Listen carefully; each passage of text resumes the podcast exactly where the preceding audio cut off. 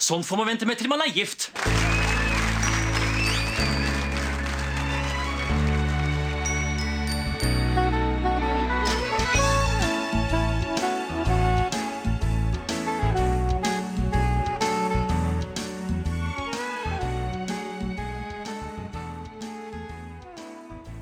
Velkommen til nok en episode av eh, Norsk eh, Film Filmklubb. Denne podkasten hvor vi gjenser norsk film med et kritisk, men kjærlig blikk. Mitt navn er Emil Ørsøen. Jeg sitter her som alltid med min gode venn og filmkamerat. Stefan eh, heter jeg. Og ja, halla! Halla, halla gutter. Halla! I dag er det lange, flate og baller. Biler og båter, ja. Jeg kom fra Halden. Her Halden. Hvorfor selger du biler kun til menn? Det er det er den som kjøper bil, da.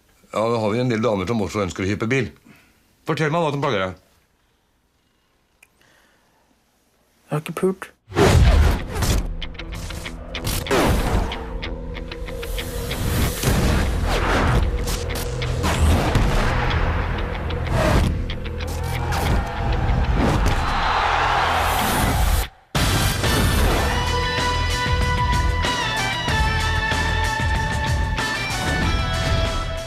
At eh, hvis vi vinner i kveld, så vil jeg spandere en tur til Tyskland. Vi snakker om VM i fotball. Uten kjerringer. Filmen vi har har sett i dag, er selvfølgelig eh, 'Lange, flate baller', regissert av Bjørn Fast Nagell. Eller 'Long Flat Balls', som jeg fant ut at denne filmen heter på engelsk. Wow. Hva er forholdet ditt til 'Lange, flate baller', eh, Stefan? Jeg så den aldri da den kom, men jeg kjøpte den på DVD. Og så hadde jeg den, hadde jeg den liggende liksom i plast i flere år uten å se den. Og så lånte jeg den for et par år siden og så den for første gang. Ja. Jeg ble kanskje ikke sånn videre imponert. Hva, hva dreiv deg til å låne 'Lange, flate baller'? Eh, nei, jeg tenkte at dette er, et, dette er et hull i min kunnskap. Noe jeg burde fått med meg. Det var et kultfenomen da den kom. I den norske filmhistorien, ja. Ja. Et hull som måtte tettes. Ja, tenkte jeg. Mm. Og hva med, hva med deg, Emil? Har du, eh, har du sett Lange flate Nei, jeg, jeg husker også da denne filmen her kom. Den kom jo ut i 2006. Eh, Da var jeg 16 år gammel, og allerede da så var jeg vel snobbete nok til å tenke at den filmen her skal jeg aldri se. Så det måtte en uh, filmpodkast til for at jeg skulle begi meg ut på, på den filmen her. Ja, det, det, skal bli spennende å se hvordan, eh, hvordan det går. Vi kan jo, vi kan jo begynne litt, for eh, dette er jo, det er jo Harald, det er Harald Svart som har produsert filmen. Mm. Kjente mannen fra Østfold. Og skuespilleren skuespillerne her, det er jo ikke, det er ikke snakk om noen, det er ikke noen kjente navn. kan vi si. Det er jo, det er jo liksom ukjente liksom revyskuespillere, lokale stjerner. Ja, jeg vet ikke eh, med revyskuespiller akkurat, men eh, skuespillerne her heter Jan Edgar Fjell, som spiller vel hovedrollen som Edgar. Petter Jørgensen, Anders Fjell, Erik Stener Tobiassen, Henrik Morken Nilsen, Frode Lie, Atle Jensen og Vivi Haug. Det er kanskje ikke så kjente og kjære navn for de, for de aller fleste. Vivi Haug er jo kjent som uh, skravlekjerringa i VG-reklamene, som gikk siden seiersgang på norsk TV på 2000-tall. Ja, men nei, den er jo altså, altså uh, Som du nevnte, så er den produsert av Harald Svart. Eh, som jo er fra Fredrikstad. Og det er jo en slags eh, filmatisk hyllest til eh, Fredrikstad som by og sted, kan man si. Ispedd også en kjærlig parodi av fotballkulturen. Altså, Filmen starter med en fotballkamp mellom Norge og Tsjekkia på Sir Winston i Fredrikstad. Hvor hovedpersonen Edgar sier til resten av gutta som er der, at hvis Norge vinner nå, så spanderer jeg VM-tur. Og da setter man i gang på en måte det som blir rammehistorien for uh, fortellinga, som er at denne gjengen med, med bruktbilselgere drar på en roadtrip til Tyskland for å se Norge til slutt, spoiler, spoiler, slå Tyskland i EM-finalen. Og det er jo um, Det er jo snakk om liksom Østfold-kjærlighet. Så ser vi jo Det er jo en intro etter den scenen her hvor Ja. vi ser eh, Fredrikstad liksom, eh, Hvor vi filmer langs Glomma liksom et helikopter som svever, panorerer over Fredrikstad. Og vi ser denne vakre byen ved utløpet av Glomma. En altså- annen, eh, en annen podkast jeg kan anbefale her, hvis du vil lære mer om eh, Fredrikstad, det er eh, Byhistoriepodden. Mm, på. Laget av to caller fra Fredrikstad. Nå skal ikke vi sitte her og reklamere for andre podcaster enn vår egen. Men kanskje de reklamerer for oss når de hører at vi har snakket om lange, Det flate blir baller. mulig, mulig med en crossover. Men eh, ja, det er altså en eh, intro her med bilder av Fredrikstad, filmmusikk av Kurt Nilsen og titler i rødt, hvitt og blått. Så setter filmen i gang, og vi blir eh, introdusert til de seks karakterene som kommer til å utgjøre hovedfiguren i filmen, som vi følger gjennom hele filmen. De jobber på en bruktbilsjappe som heter Ed Garasjen. Jeg tror de fikser litt biler òg, for noen av dem går i sånn blå overhold. Ja. Og det er kanskje ikke det plagget du går i hvis du skal selge biler. Nei, er, det er uklart om det er en garasje eller et bilverksted eller en Jeg tror de gjør litt butikk. alt mulig. Veldig mange som Ja. jobber der. fall. Mm, jobber, jobber i hvert fall med bil. Det er veldig typisk sånn guttamiljø i denne bruktbilsjappa. Det er nakenbilder på veggene. Vi har eh, fyr i Him-T-skjorte, capser både foran og brak, godlynt krangling, beiting. Og Edgar er vel etablert som en slags sånn daglig leder for stedet. Det er han som er sjefen, og på en måte også en slags sånn uformell sjef i gjengen, kan man vel godt si. Ja, fordi Garasjen er oppkalt etter han, og det er han som er eieren. Og det er jo her måte, filmen liksom, det begynner å bli spennende. For da kommer, eh, da kommer det liksom Huseieren kommer inn for å besøke Ed. Ja. Han heter Mobekken. Han har med seg en, eh, en slags sånn gorilla eller en livvakt som passer på han, og sier til Edgar at eh, du må betale husleie, eller du må betale for du har lurt, du har lurt meg. Du har lurt unna penger. Så hvis du ikke betaler meg 890 000 innen 30 dager, så må jeg ta Ed-garasjen. Og da er ikke det din garasje mer. Nei. Nei, jeg, jeg tolka egentlig han Mobekken mer som en bedriftseier enn som en huseier. Det er sånn tvetydighet i filmen. Ja. Men, men det viser seg i hvert fall at han Edgar har brukt eh, kommisjonspenger, altså pengene som de får inn på å selge bilene, for å betale lønn til de ansatte. Han får da 30 dager til å legge pengene på bordet. Det er en ganske sånn truende tone i den eh, scenen der. De truer han med, med vold eh, og gjøre han eh, steril, rett og slett. Ingen punger, ingen unger, som de, som de sier. Edgar gir vel umiddelbart opp eh, håpet om han noensinne skal kunne klare å tilbakebetale denne gjelden, og bestemmer seg istedenfor for å dra med gjengen på en siste hurratur til Tyskland for å følge er EM i fotball, ikke sant? Mm. Som Jeg tror det er EM. Ja, jeg tror det er, nei, det er VM, fordi man ser er VM, spillere fra Kina og, og Sør-Afrika der. Ja, VM i fotball i Tyskland.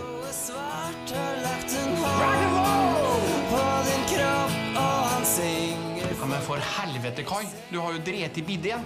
Kan det være homo uten å vite det? Røkker løken når du ser nakne kæller? Jeg har aldri sett naken kall, jeg. Men før vi kommer så langt, så er det en sånn serie med sånne små vignetter hvor vi blir kjent med de ulike arbeiderne som jobber på Ed-garasjen sammen med Edgar sjøl. Nå har en rødhåra karakter som heter Øyvind, og kommer frem at han er redd for damer, at han selger kun til menn.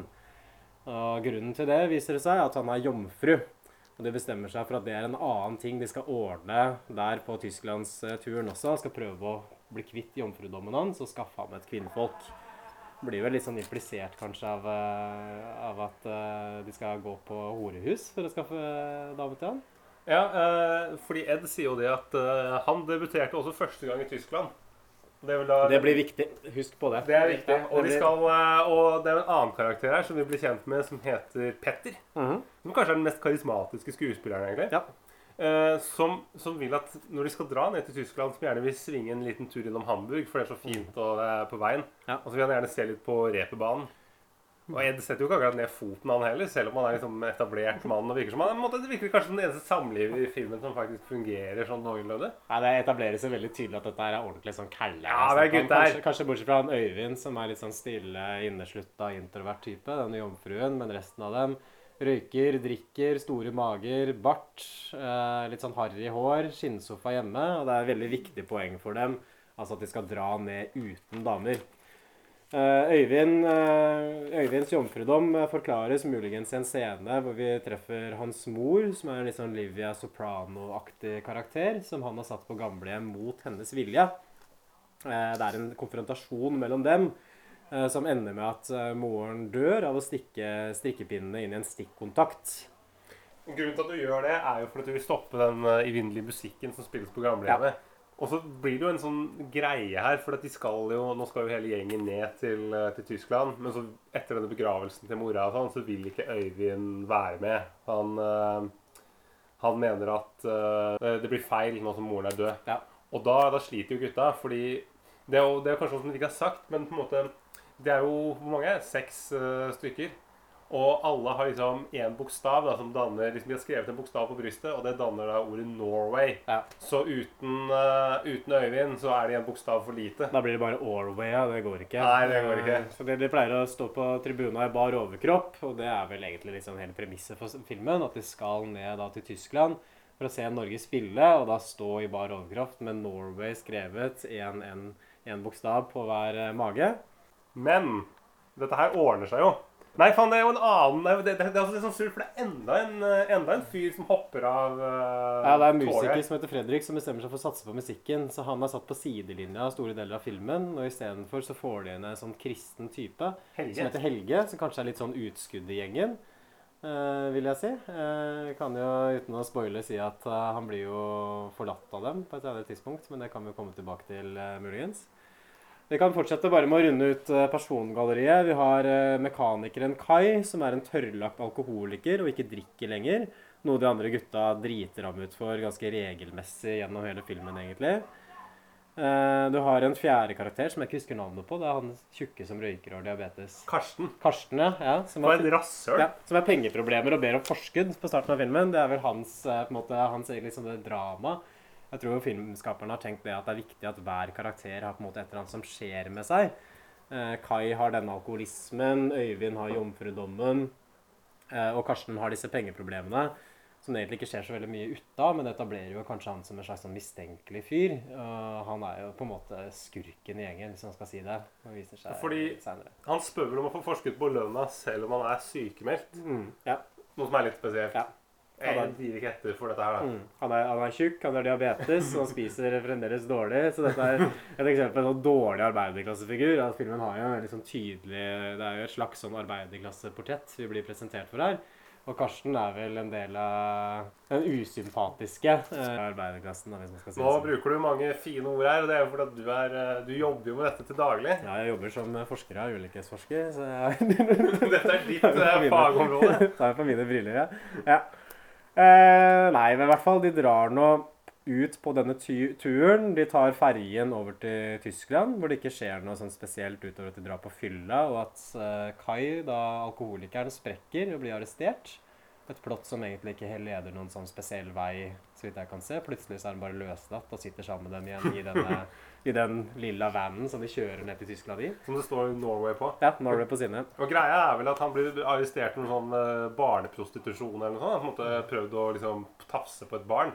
Men det han egentlig har gjort, er at han har lagt igjen spritflaska si i en Ja. eh, barnevogn. Og så prøver han for, å få ut denne her, Få tilbake spriten, ja. ja. blir han arrestert. Ja. Men vi får ikke så mye forklaring på dette, det som du sier. Nei, litt unødvendig plott, kanskje. Og jeg vil jo si at uh, filmen har jo et visst sånn anslag, at vi blir jo introdusert for disse karakterene. Setter opp noen uh, plottlinjer og setter opp noen karakterkonflikter, kanskje, som, skal, som vi tenker at skal prege resten av filmen. Eh, men i det som er filmens midtparti, hvor vi egentlig følger dem litt fra et lite tyst tettsted til et annet, syns jeg egentlig filmens narrativ bryter litt sammen. altså. Det, det blir en del uh, tomme scener, og det Um, føles veldig sånn vignettaktig og løst. Det er mye sånn der, eh, litt sånn prompehumor med liksom tyskere Ja. i sånne nazi-uniformer som, som er tollere Mm. og skal gå gjennom bagasjen, og så tegner noen en Hitlerbart på ja, på liksom vinduet. sånn liksom at det ser ut som at en av de tyske tollerne er Hitlerbart. Og så, måte, Ja. det, er mye sånn, det er mye sånn andre verdenskrig-humor. Mm. Det er liksom Seinere er det en eller annen vits med at uh, de snakker om fotball med noen tyskere, og så sier han uh, ene at uh, ja, dette er uh, min kamp. Nei, det er, det er min kamp. Ja, altså det er en del sånn der uh, hotell i særklasse, don't mention the war-aktig humor i filmen der. Og en viss sånt anslag til en tysk-norsk konfrontasjon også, kan man si. Etter den ene kampen så havner de på en uh, fotballpub uh, med noen andre tyskere, som på en måte er deres motstykke, for de har skrevet Deutschland da, over sine bare mager. Bare at disse her er mye mer topptrente, selvfølgelig. Og Og yngre og vi, mer virile enn eh, disse Fredrikstad-callerne som, som vi følger. Og vitsen også er vel at det er flere bokstaver i Deutschland. Ja, så det ikke sant. Så de er, så de er overmanna, ja. ja. Rett fra starten av. Og da sier han eh, kristne karakteren Helge, som har kommet inn i gjengen pga. at han eh, Freddy har droppa ut, og som er dette utskuddet, eh, som har en konfrontasjon med en av de tyske supporterne og sier at dere har aldri vunnet noe som betyr noe. Dere tapte første verdenskrig, dere tapte andre verdenskrig. Hva får dere til å tro at dere skal vinne fotball-VM nå? Så det er vel en slags sånn tysk-norsk tematikk her. Jeg vet ikke om du la merke til det. Ja, Er det, er det krigen som henger igjen, eller? Ja. Det, ja, det virker det er jo sånn, Dette er jo litt sånn Det er sånn gubbete humor. Som, måte, det er åpenbart liksom, en person på liksom, nærm over 50 som har skrevet det manuset her. Og på en måte syns de vitsene er morsomme fortsatt. Det, som, det, vi, det vi ikke har nevnt, da, er jo at um, denne, han, denne jomfruen, han Øystein som, som, Øyvind. Øyvind, Øyvind ja. Han- Som ble så lei seg over at uh, Moren døde. ja, moren døde. Han skulle egentlig ikke være med til Tyskland. Og så, men så skjer det noe som gjør at han endrer mening. Han, han møter en norsk supporter Eller han stanger Hva var det? Han Han skaller. skaller. Det er sånn typisk romantisk komediescene hvor han dulter inn i en annen norsk eh, En annen kvinne, og så bøyer de seg ned, og så dulter de sammen igjen, og dermed er på en måte gnisten tent. Og du skulle jo tro da at måte det var en uh, jente av hans kaliber, liksom. Men Nei, det er det, det det ikke. Det er vel ingen i den filmen der som er på hennes kaliber, hva vel ærlig si. Men, for å beholde stemningen i filmen litt, så kan vi si på en måte Eller vi er jo lange, flate baller-stemning, så er dette en ni av ti ja. terningkast. Nei, han, han liker i hvert fall hun, og det, det er altså motivasjonen hans for å bli med ned likevel, til tross for at han mista mora si. Så ja, filmen har en del sånne plottlinjer som man, som man følger. F.eks. dette her mellom Øyvind og hun eh, dama. Eh, vi har også en annen karakter som heter Petter, som mistenker at dama hans er utro. Eh, ja, det er vel egentlig det. eh, men det, det er ikke noe sånn egentlig progresjon i de plottlinjene. Det er mye at man bare gjentar den samme scenen igjen og igjen og igjen. At han, Øyvind har noen sånn awkward møter med hun andre norske supporteren. Petter forsøker å ringe dama si, får telefonsvareren. Det blir litt stillestående, syns jeg. Og særlig hvis man ikke syns at humoren er sånn spesielt treffende heller. Så jeg må ærlig talt si at jeg ikke gjorde det. Men eh, jeg vet ikke, lo du godt av lange, flate baller? Jeg tror jeg lo mer enn deg, men uh, det skulle jo ikke så mye til. Ja. Og um, det kanskje liksom det, det bærende plottet i den, i den filmen her, det Mm. er jo at eh, Ed Vi får vite at Ed han har en sønn. En sønn som han ikke aldri har møtt. Eller møtt, eller møtt som veldig liten. I Tyskland. Og da skjønner vi også hvorfor han, egentlig, hvorfor han vil dra til Tyskland og på en måte dra på den fotballkampen der. Så han, han, han sier vel til gutta at han skal dra innom en kirke i Rostock, og den er så fin og sånn. Men i virkeligheten så skal han, eh, skal han besøke den gamle liksom, flamme som han fikk denne, denne kiden med, og høre hvordan det har gått, og at han har dårlig samvittighet for at han ikke har vært en far. Og så går han også inn i den der kirken og skrifter. Eh, det han ikke vet, er at i den andre skrifteboksen der sitter en møkkfull Karsten. Ja, Her sitter ikke presten. Karsten Kanskje, feite slasken som vi snakka om i stad. Karsten er vel eh, Ja. langt fra en prest. Ja, det er, er jo en scene hvor han bekjenner seg, ikke sant? så man skjønner jo fordi at det må, filmen må kommunisere til seeren at denne sønnen fins. Og så eh, etter hvert så tar vel Land Karsten rett og slett og presser han ut for penger. At de drar ut og spiser på det som tidligere har blitt etablert er Tysklands dyreste restaurant. Ser ikke akkurat sånn ut for meg, eh, men Det eh, er sånn bierstube, Ja, sånn snitselplass. Det er sånn veikro, kan man si. Eh, Men de, de spiser der, og så kommer eh, Edgar tilbake og oppdager at de har spist for det som sikkert er tusenvis av kroner. Og så sier Karsten til han sånn Jeg hørte det med sønnen din, og hvis ikke du betaler den regninga her, så forteller jeg til resten av gjengen. Så så gode venner er de kanskje ikke. At Litt ukameratslig oppførsel kan man, kan man anføre. Men ja, det er vel det som kanskje er det som skal være filmens eh, sånn dramatiske hovedplott, er Edgar og jakten på denne sønnen, som etter hvert viser seg å være tysk landslagsspiller. Ja, for dette er jo ingen ringere enn den kjente fotballspilleren Klaus Bittermann. Mhm. En av de store fotballspillerne på det tyske landslaget. Ja. Og um, ja, vi kan jo, uh, vi kan jo på en måte ta, ta ballen videre, så å si. Og, Ja. og ta det videre til For at, jeg vet ikke helt hvordan dette her etableres, men det er noe at de kommer inn de har på en måte, de, uh, Ed kjøper noen billetter av noen sørkoreanske fans, til, for de har åpenbart ikke billetter til de, til de kampene de skal se. Nei. Så havner de på feil kamp. Og der, der spiller Tyskland mot Sør-Afrika, tror jeg. Ja.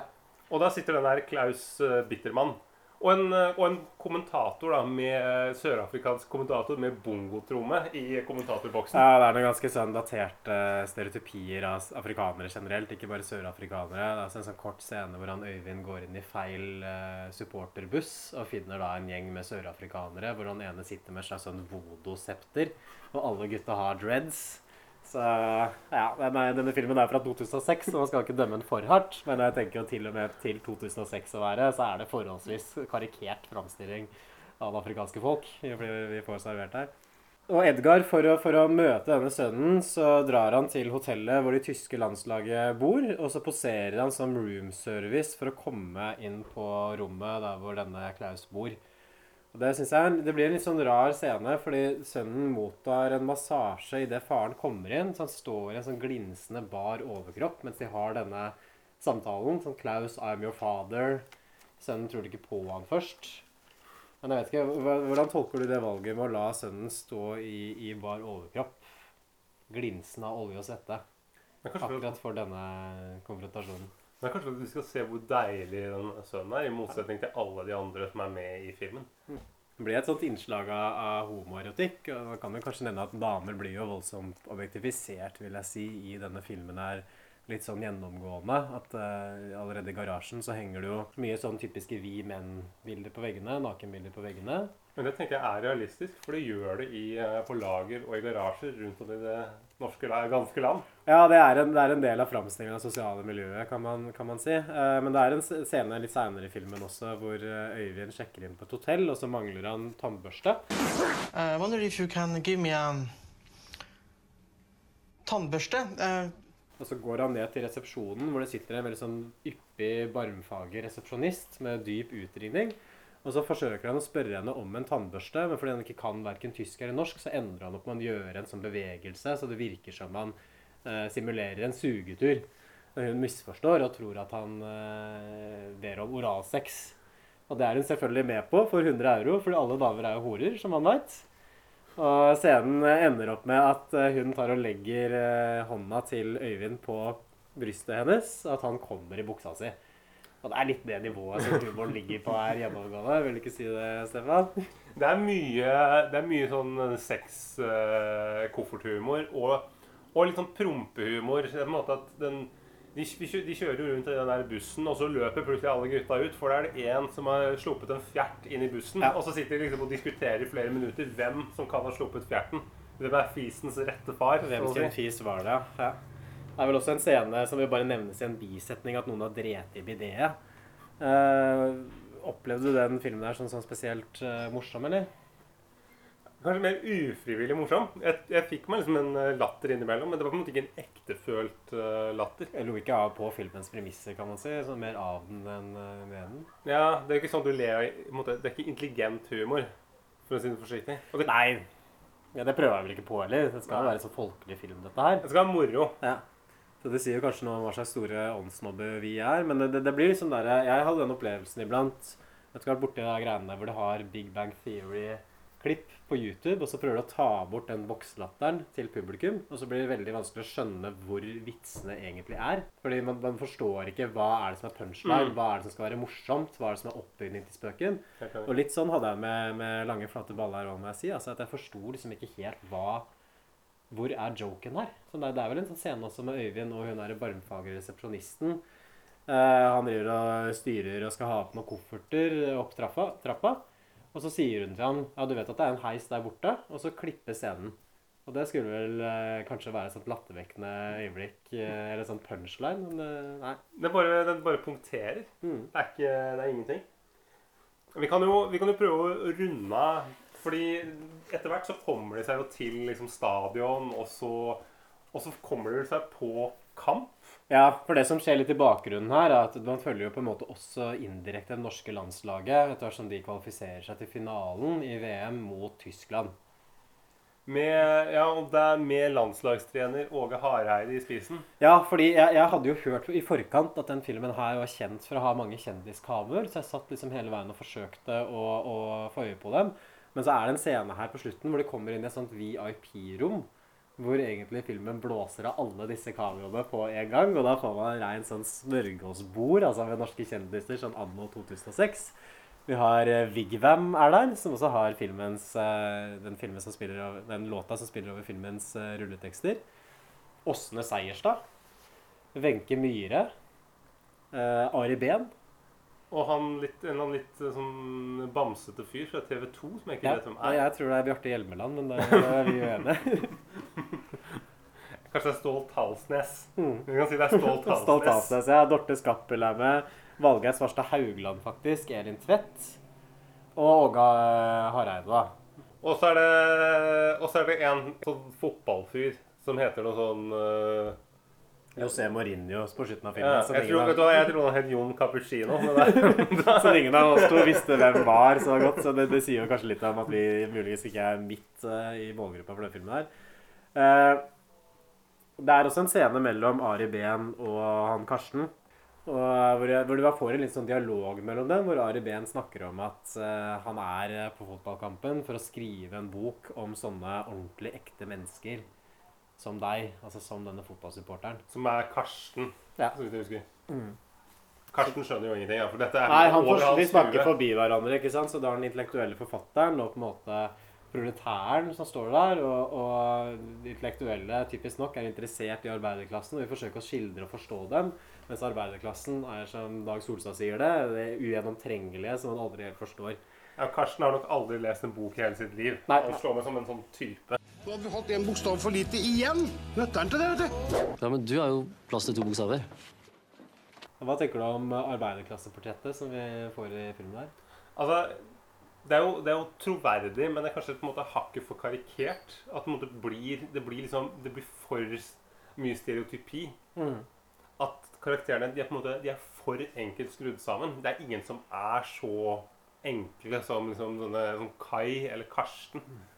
Ja, det er, det er ekstremt øh, unyanserte, ja, og jeg opplever ikke at det er et sånt portrett som er skildra med sånn spesielt mye empati eller omtanke eller ønske på å forstå Kanskje feil ting å forvente av en sånn film som det lange, flate baller er, men jeg opplever jo filmens blikk som egentlig ganske sånn distansert og ironisk og ja, frakobla, sånn til syvende og sist. For vi latterliggjør de typene her litt. Vi, på en måte, vi skal le Vi, le, vi på en måte skal le mye av dem, og så kanskje ja, litt med dem. Ja, men det er mer sånn der latter som man sier at ja, er det ikke flott, da? Er det ikke herlig at det er sånne folk? ikke sant? Ja, sånne er- jordnære typer! For helvete, Kai. Du har jo drept i igjen. Kan jeg være homo uten å vite det? Røkker løken når du ser nakne kæller, da? Jeg har aldri sett naken kæll, jeg. Det var deilig. Vi kan jo runde av med liksom bare slutten Ja, i filmen. For, den, ja. Mm. Uh, for, for jeg det, må jo si at jeg detter av lasset litt der, men det er, uh, det er vel noe med at Åge Hareide ser disse gutta med sånn Ja. Norway på brystet, og så ser han de tyske duskedamene Mm. som danser, og så får han en idé. Og Norge. så sender han Norge, disse her på scenen. Og media gir det mye mer oppmerksomhet enn de Ja. tyske duskedamene. Og så kommer det noe sånn, ser vi noen sånne eh, latest news, litt sånn flagrende greier med Times Magazine, hvor det står sånn 'Norge redder verdensfreden'. Ja. Uh, og så ser vi bilde av Callane fra Mm. Fredrikstad.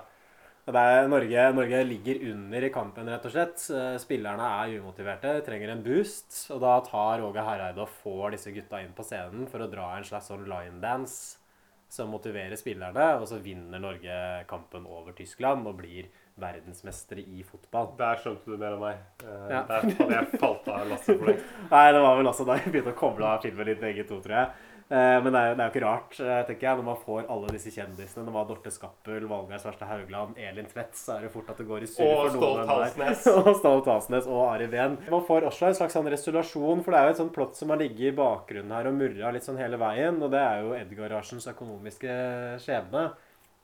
Edgar, hovedpersonen, skylder masse penger som han ikke vil klare å tilbakebetale igjen. og Gutta er innforstått med at når de kommer tilbake igjen til Norge, så kommer Edgarasjen til å få nye eiere. Det kommer til å bli Mobekken som går inn, og arbeidsplassen går egentlig tapt.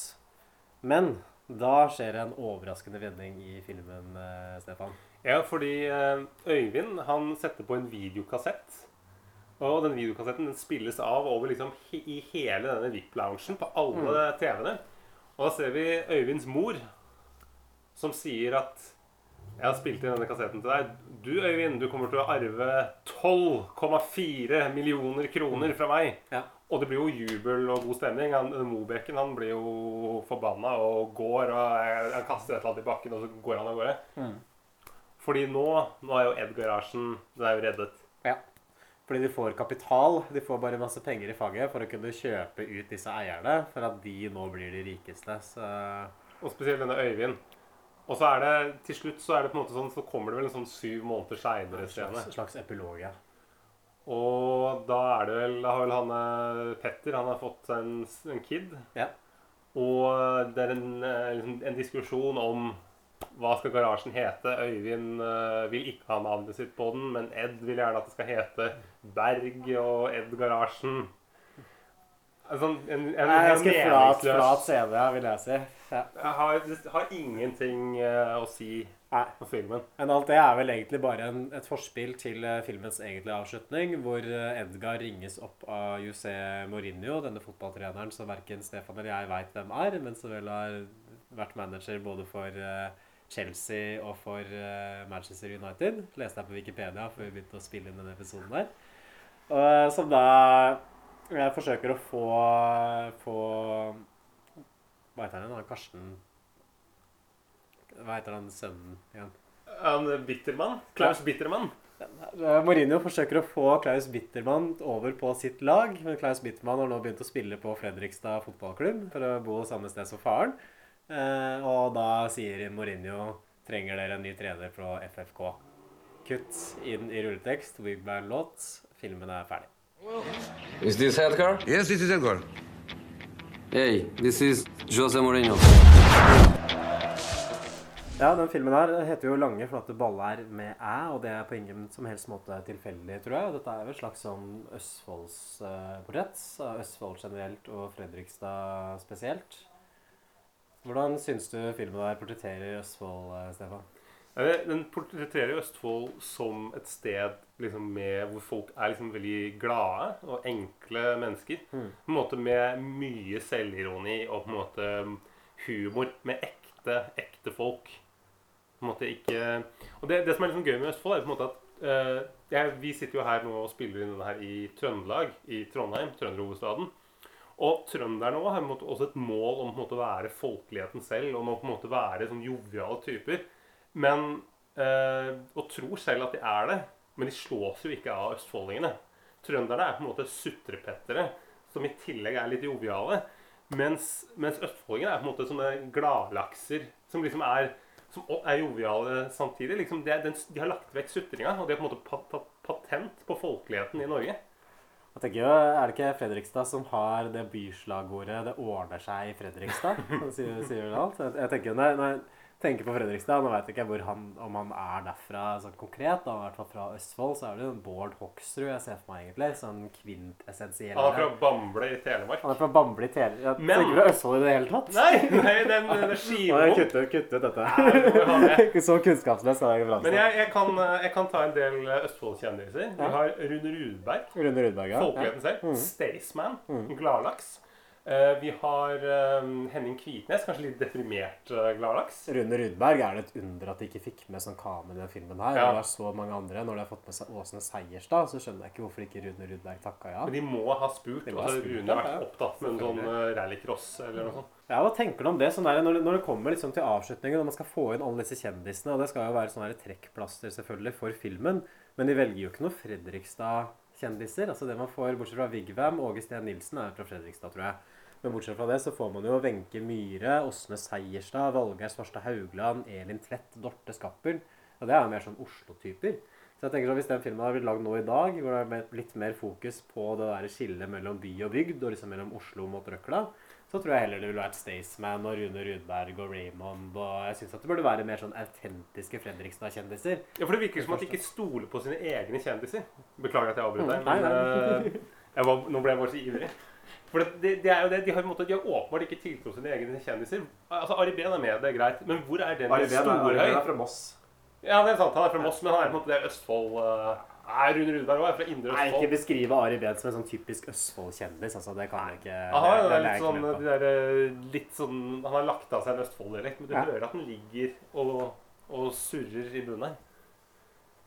Men eh, ja, Nils Ole Oftebro kunne de fått med. Er fra Sarpsborg. Mm, ja, og ikke? ja, Lene Alexandra er fra Trøgstad i Indre Østfold. Hva er hovedinntrykket av eh, filmen her? Man sitter igjen med etter å ha sett Lange, flate baller nå i 2021, altså 15 år etter denne filmen her først ble gitt ut. Jeg, jeg syns jo, jo det er jo det der, Den er veldig datert, det med disse her liksom sånne litt sånne stereotype skildringer av folkegrupper og sånt. Ja. Og så er det jo Det er jo ikke en film som jeg, jeg, noe, jeg tror ikke den har noe gjensynsglede. Det er på en måte en, en uh, Det er enkel revyhumor som på en måte er, er blitt eh, filmatisert. Og som, som på en måte den, Men den, filmen er jo, den er jo evig aktuell. Det går jo aldri ut på dato, den humoren her. Det er Fordi måte, fotball eller, hva, men- det, det, det vil jeg utfordre deg på. Hvorfor går ikke da, humoren her ut på dato? Eller, fotball er alltid aktuelt. Og sånn, revy er jo, er jo liksom en, en, en ganske sånn gamlis uh, humorform. Det er på en måte, revy er jo liksom, Jeg har inntrykk av at revy er morsommere for dem som lager det selv. Det liksom de, eneste, de eneste som koser seg, er de som, de som spiller. Mens vi som er tvunget til å se på det, vi uh, Ja, Ja, det er ganske, ganske passende beskrivelse for min del. altså. Men uh, vi, har jo en, vi har jo også en litt sånn uh, gjennomgangstema på podkasten når vi snakker om skuespillet. Uh, en ting som norsk film er veldig kjent for. Uh, hva syns du om skuespillerne i den filmen? her? Hadde du noen favoritter? Jeg, er jo, jeg er jo svak for Kai. Sånn, han barne... Han, han som forgrep seg på hun lille jenta. Ja, han alkoholiserte, ja. Den Ja. tillagte alkoholikeren. Han, er- han, han snakker litt sånn her. Han har en veldig sånn monoton stemme. Ja. Men uh, Stjerna, du hadde jo én favoritt i den filmen her. Jeg likte han Petter veldig godt, og jeg syns det var litt sånn rar casting også, fordi hovedpersonen Edgar er vel kanskje den minst karismatiske og minst sånn iøynefallende og minst karakteristiske egentlig av alle skuespillerne i filmen. Han er den som kommer nærmest å bare være en sånn vanlig fyr. Han er litt sånn der Valdemar Hoff-aktig, sånn rar sveis, sånn nikotingul bart. Og snøvler også noe utrolig, syns jeg, mens han snakker. Jeg vet ikke om det var tilsikta eller bare sånn hvordan skuespilleren var, men veldig sånn snøvlete, rotete diksjon. Du må ha tekst for å skjønne hva han sier. Ja, ja det, vi hadde på tekst da vi så filmen, eh, egentlig bare for å kunne få med oss hvert ord. Vi er jo en seriøs podkast, selvfølgelig, så da må vi lese i tillegg til å høre for å passe på at vi følger manuset i alle deres detaljer og krumspring. Men eh, det ble fort nødvendig, altså, fordi det er ikke så veldig lett å høre hva denne Edgar, eh, Edgar sier. Så, Og det, det er ingenting med at uh, vi er snobbete akademikere fra Østlandet. Nei, nei, på en nei, fra, liksom, med, med god sosial og kulturell kapital. Uh, vi skjønner Østfold. Jeg har vært masse. Jeg var i Fredrikstad i sommer, og jeg kan, jeg kan jeg, flytte jeg, dit. jeg, kjenner en person fra Østfold, så Jeg kjenner tre. Du kjenner tre, ja? ja. Nei, så jeg ville kanskje, Hvis jeg var Harald Svart og produsent av filmen, her, så ville jeg kanskje vurdert å bytte om på Edgar og Petter sine roller. Fordi Petters karakter er nokså underutvikla. At man har jo dette plottet hele veien med at han eh, Før han drar nedover til Tyskland, så foreslår han for kjæresten sin Kan ikke vi ha et åpent forhold? Men det han mener, selvfølgelig, han er jo en cal, det er jo at han skal ha et åpent forhold, mens hun skal fortsatt være bundet av reglene. Så han har lyst til å ligge med horer på reperbanen. Det er vel det som er planen hans. Eh, mens hun skal gå i Norge og vente på han, rett og slett. Eh, og det som viser seg, er at hun eh, misforstår, og at hun tenker at det åpne forholdet også gjelder for henne. Og det er jo også grunnen til at han driver og ringer henne hele filmen gjennom. Men Ja. den utvikla, det, det, det plottet her går jo aldri en sånn spesielt vei. At man ser at, uh, man ser at han ringer henne igjen og igjen, og så er det en annen karakter som ser henne ute på byen i Fredrikstad med en annen mann. Og så blir han veldig deprimert av det. Og så viser det seg at det var broren hennes, og så er alt fint. Så det er, det er sånn karakterstudie der. altså Denne Petter som eh, aldri egentlig blir realisert. Så bytt om på Petter og Edgar, syns jeg. Kanskje sløyf eh, Edgar-karakteren helt og holdent, og la Petter og Edgar være samme karakter. Så er både dameproblemer og problemer med dette verkstedet og sønnen. Da begynner vi å snakke. Og eh, på den der, så på det liksom har, har, vi, ja, har vi noe mer? Nei, jeg tror ikke det, altså. Nei, jeg, jeg sliter da. Så jeg